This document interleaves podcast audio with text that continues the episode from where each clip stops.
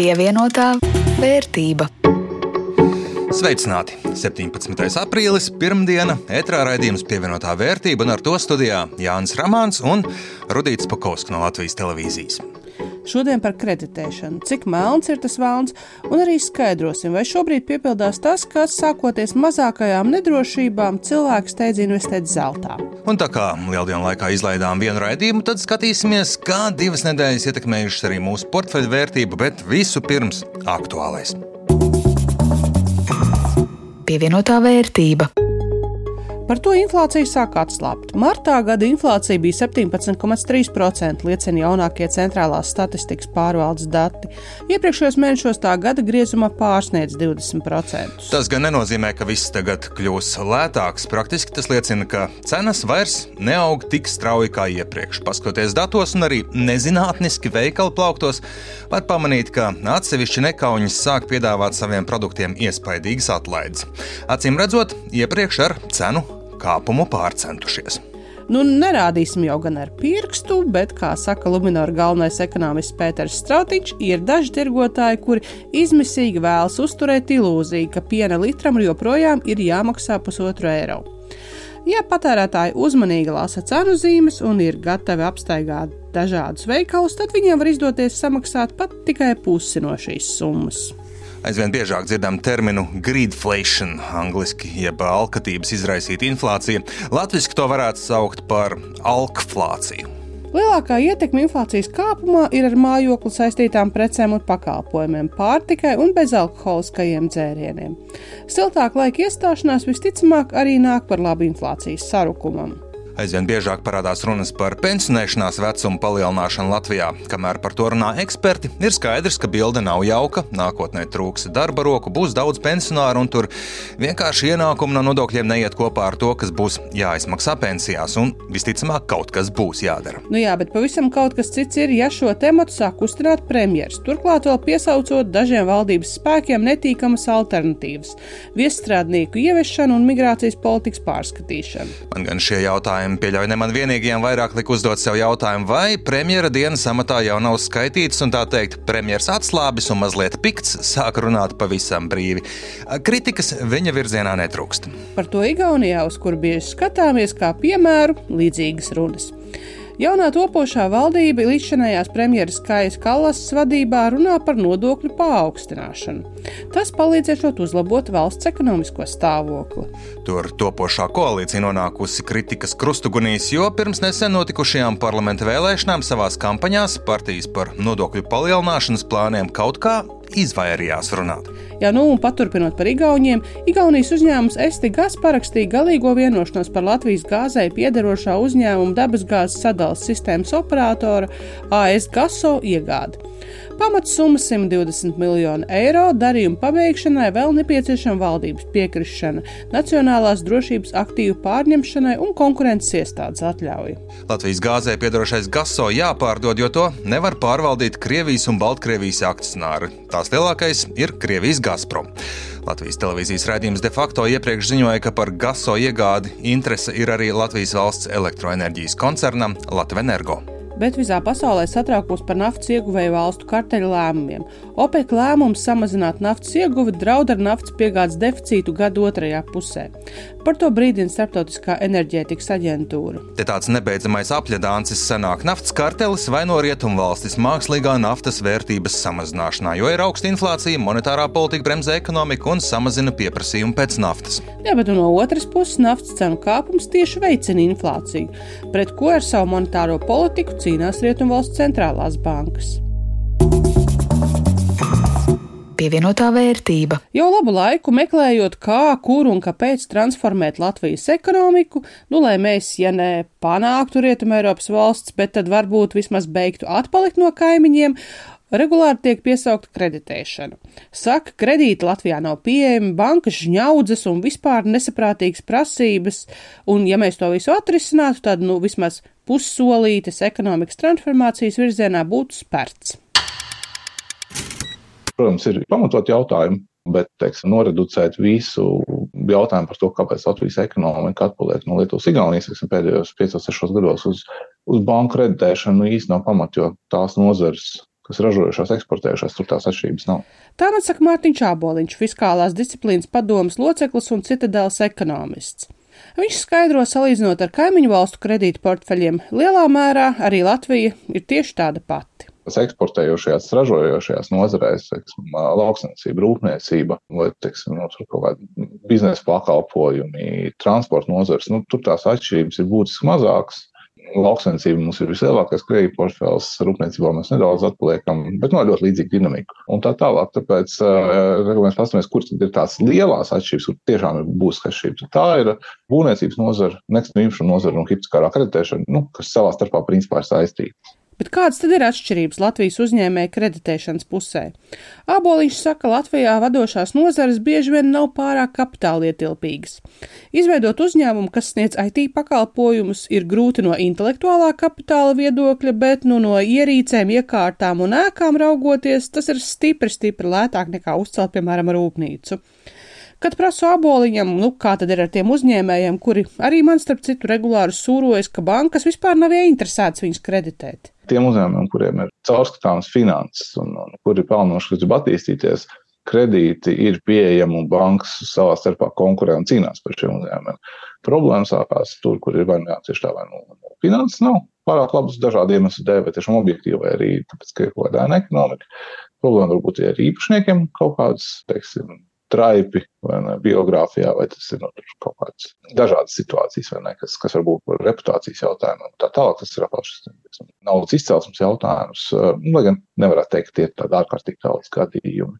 Nu, un tad trešais, kas ir, bet kur, kur tiešām, nu, tas nebūs gluži banku un finansēt, tie ir, teiksim, jauni, strauji augoši uzņēmumi, kuriem, nu, teiksim, nav šīs te vēstures, bet kuriem varbūt ir ideja, biznesa plāns, iespējams, dažkārt pat līgumi, nevienmēr ļoti daudz sava kapitāla, vai, teiksim, un, un tas ir tāds, nu, drīzāk riska investoru lauciņš. Tātad bankai ir dziļi vienalga, cik veiksmīgs un pelnošs ir jūsu bizness, ja tas ir ēna ekonomikā un šī veiksme neparādās uzņēmēja grāmatvedībā. Bet, nu, kā tad ar Latvijas kreditēšanas tiešām problēmu bērnu, privātpersonu kreditēšanu? Nu, gan savas naudas nav, tas tiešām ir, ir objektīvi, bet arī tāds, tāds vispārīga piesardzība, gan, un tas arī banku pusē noteikti, gan, teiksim, kredītņēmē pusē, un, un tā kā mums sākās Covid pandēmija, šī ekonomiskā lejupslīde, kā rezultātā nu, nekas tāds slikts, dramatisks nenotika. Mēs redzam, ka nu, kopumā tā ekonomika diezgan labi noturēsies. Uh, tad teiksim, pēdējā pusotra gada laikā arī hipotekāro kredītu izsniegšana ir būtiski aktivizējusies. Faktiski mums no, no, no tādiem vidējiem 50, 60 miljoniem mēnesī, ko, ko, bankas izsniedz 19. gadā. Pagājušo gadu bija pāris simts miljoniem. Tā kā faktiski divreiz ir, ir augstāka tā aktivitāte. Tur, tur mēs redzam pozitīvas tendences, bet, protams, šobrīd ir problēma būvniecības cenas, cik maksā uzbūvēt jaunu mājokli. Un, protams, ir procentu likme straujas kāpums, kas savukārt padara, nu, teiksim, šos kredītus mazāk pieejams. Cilvēkiem grūtāk ir teiksim, apmaksāt, un, un tā pieejamība atkal samazinās, bet tas nav tas, ko bankas var īpaši ietekmēt šobrīd. Hipotekāro kredītu ņēmēju piesardzība mūsu sarunā izskan vairāk kārt. Pēc 8. gada krīzes ar kredītiem daudz apdedzinājāmies, un turklāt ļoti sāpīgi. Redzējām, cik grūti klājās un joprojām klājas daudziem cilvēkiem mums apkārt. Un loģiski, ka daudz, daudz uzmanīgāk rīkojāmies. Tam ir gan labā puse, ko redzam arī tagad, procentu likmēm augot. No pagājušā gada oktobra ir stipri samazinājusies. Ziemas mēneši vispār bija ļoti, ļoti zema aktivitāte. Nu, martā atkal ir interese, jo, ja mēs skatāmies uz mājokļu tirgu, tad uh, 7. un 8. gadsimts bija ļoti liels burbulis. Cilvēki pirka īpašumus, lai nopelnītu ātru ziņu vērtības kāpumu un ņēma īpašumus, kuru varbūt kredīt saistības reiz nevar atļauties, bet cerībā, ka algas turpinās augt 20-30% gadā un, un, un līdz ar to ienākumu līmenis noķers, ne? kas, diemžēl, nepiepildījās. Tad šobrīd drīzāk nu, tas nekustamā īpašuma tirgus mums ir vairāk vai mazāk, bet tādā fundamentālās vajadzības līmenī cilvēki pērk to, ko viņiem vajag, dzīves apstākļu uzlabošanai, lielākas platības, jaunāks mājoklis. Raugoties nākotnē, joprojām lielu lomu spēlēs altumi, kas palīdz risināt to, ka nav naudas pirmajai iemaksai.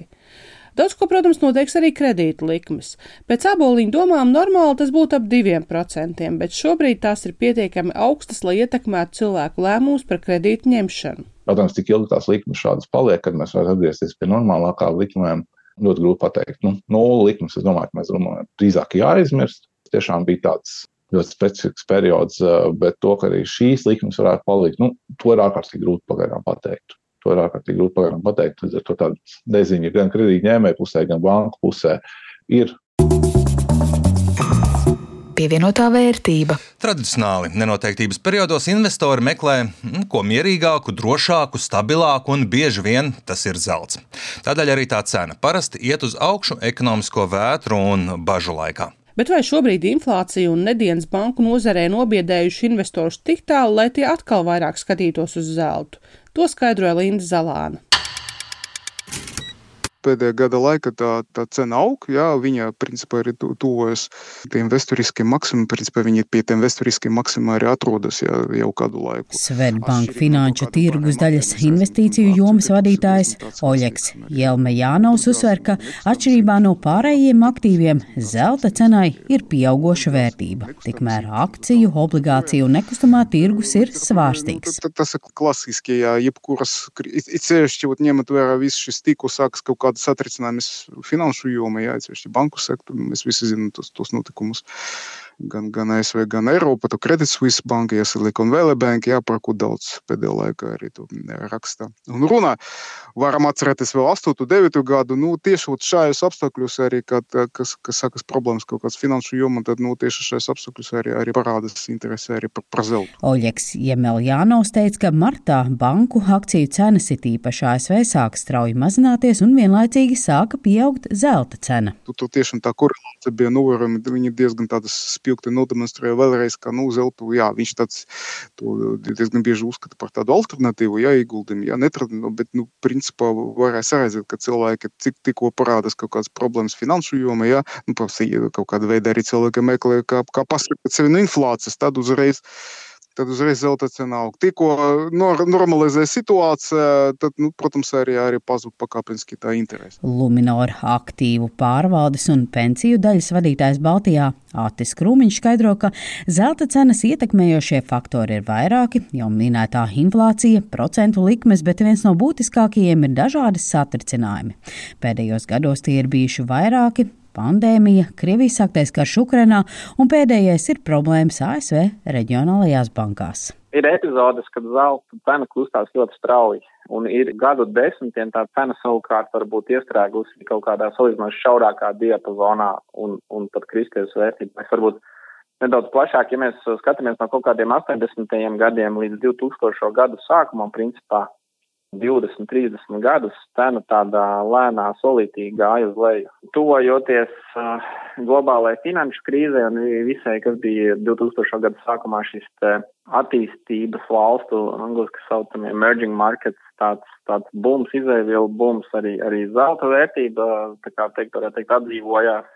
Un pēc tam jau finanšu krīzes laikā bija šie te pāris gadi, kad uh, gan centrālās bankas uh, strauji samazināja likmes, gan bija neskaidrība tāda nu, globāla, ja kas notiks ar finanšu sistēmu. Tas, tas un šis periods zelta cenai bija izcils un tika sasniegti jauni rekordi katru gadu, palielinoties vairākas reizes. Šobrīd zelta cena atkal ir pakāpusies. Nu, zelts šobrīd dolāros ir 2050 dolāri. Šajā līmenī viņš jau atgriezies ar kaut kādu trešo reizi. Pirmā reize bija 20. gada sākumā. Bet vai šobrīd ir labs brīdis pirkt vai pārdot zeltu? No vienas puses mēs varam skatīties uz kaut kādām tendencēm, kas notiek ar inflāciju un centrālās bankas likmēm. Tas tāds varbūt nedaudz prognozējumāks par visādām mm, pārsteigumiem. Ja, kas ir kaut kādi ģeopolitiski vai, vai finanšu sektora pārsteigumi, kurus mēs nu, ir grūti prognozēt. Bet, ja mēs skatāmies ar procentu likmēm, mēģinām kaut kādas saistības atrast Nu, tad no tāda viedokļa visticamāk zeltam, zelta cenai vēl potenciāls uh, manā skatījumā pakāpties, jo visticamāk centrālās bankas lielā mērā to savu procentu likmu uh, tādu kāpšanas periodu ir uh, pabeigušas, varbūt būs vēl pāris uh, likuma izmaiņas, bet tomēr, es domāju, drīzāk varam sagaidīt stabilizāciju vai pat kaut kādu pāris tuvāko gadu laikā kritumu. Nu, un vēsturiski šīs periods, kad tā, tās likmes tiek samazinātas, nu, zeltam ir bijis pozitīvs. Ātis Krūmiņš teica, ka zelts savā ziņā ir kā barometrs tam, ko cilvēki domā par nestabilitāti un sagaidāmo naudas vērtību. Tāpēc pēc lieliem zelta cenas kāpumiem var būt arī lieli kritumi. 20-30% kritums zelta cenā um, gadu laikā, piemēram, tas ir nu, vēsturiskiem datiem skatoties pilnīgi reāli. Investoru kluba izpildirektors Kaspars Pēcinieks stāsta, ka investēšana zeltā ir viens no vēsturē ilgstošāk noturējušiem investīciju veidiem, un tas ilgtermiņā saglabā savu pirktspēju. Pēcinieks uzsver, ka zelts kopumā ir emocionāls investīciju jeb līdzekļu uzglabāšanas veids, kuram parasti lielāka uzmanība tiek pievērsta dažādās krīzēs un drošības nestabilitātes brīžos. Bet kā un kuru zeltu iegādāties? No sākuma jāsaprot primārais mērķis, kāpēc mēs to zeltu pērkam. Ja mēs zeltu pērkam ar domu nopelnīt, nu, jeb spekulēt uz, uz cenas pieaugumu, tad droši vien mēs varam pirkt caur finanšu instrumentiem, ja pie brokera vai bankā nopirkt eh, biržā tirgotu fondu, kurš eh, atspoguļos zelta cenu.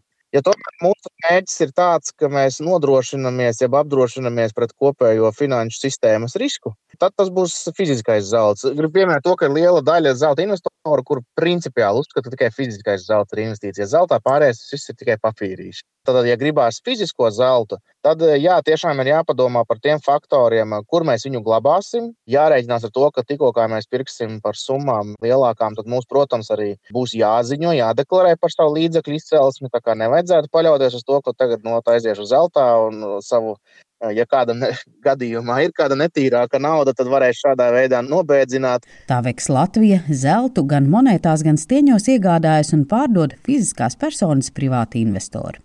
Uzņēmuma valdes priekšādātājs Andris Arhipenko stāsta, ka šobrīd investēšana zeltā ir uzņēmusi apgriezienus. Protams, populārākais svars ir viena unce, gan stieņiem, gan monētām, bet uh, bieži izvēlās arī uh, mazākas vienības, pieņemsim, uh, 20 vai 10 grammi, vai arī pa, pa vienam gramam zelta stieņu, piemēram. No nu, drošības viedokļa jāsaprot, ka galvenais ir uh, klusēšana un nestāstīšana nevienam, kā tev, tev ir tāds zelts, un par glabāšanu katram personīgi būtu jāizliek pašam. Uh, Bet ir jāsaprot, ka zelta ir īpaši ar to, ka pie ļoti maziem izmēriem tā ir liela vērtība. Respektīvi, vienas unces monēta ir eh, pēc izmēriem ļoti tuva divu eiro monētai. Toties šāda izmēra zeltam ir vērtība tuvu diviem tūkstošiem eiro. Divu eiro monētu droši vien ir iespējams izdomāt, kā glabāt tā, lai tas būtu maksimāli droši. Galvenais zelta paglabāt tā, lai pēc laika pats atceries, kur tas paslēpts. Linda Zalāne, Latvijas radio. Pievienotā vērtība. Bet nu pie mūsu portfeļiem un Baltijas biržas. Pēc lieldienu laiks ar kritumiem bijis Rīgā, tur samazinājums par pusprocentu, Viļņā un Tallinā pieaugums attiecīgi par 0,95 un 0,33%. Kā rudīt klājies tavam ieguldījumu portfelim? Man ir ap 5 eiro pieaugums un portfeļu kopējā vērtība, ieskaitot vēl neieguldītos 21,42 eiro, kopā ir 479,49 eiro. Jaunpienācējiem manā portfelī Enefit Green arī patīkams ap pusotra procenta pieaugums. Kā tev klājies?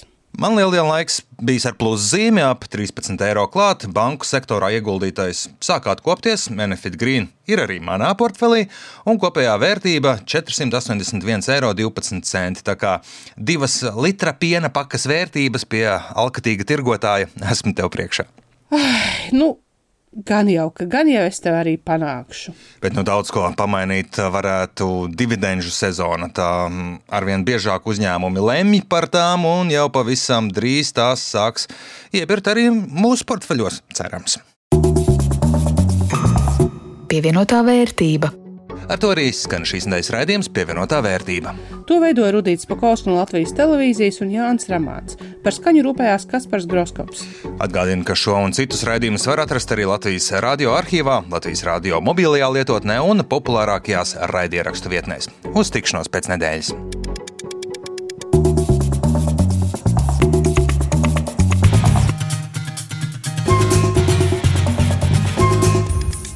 Pievienotā vērtība.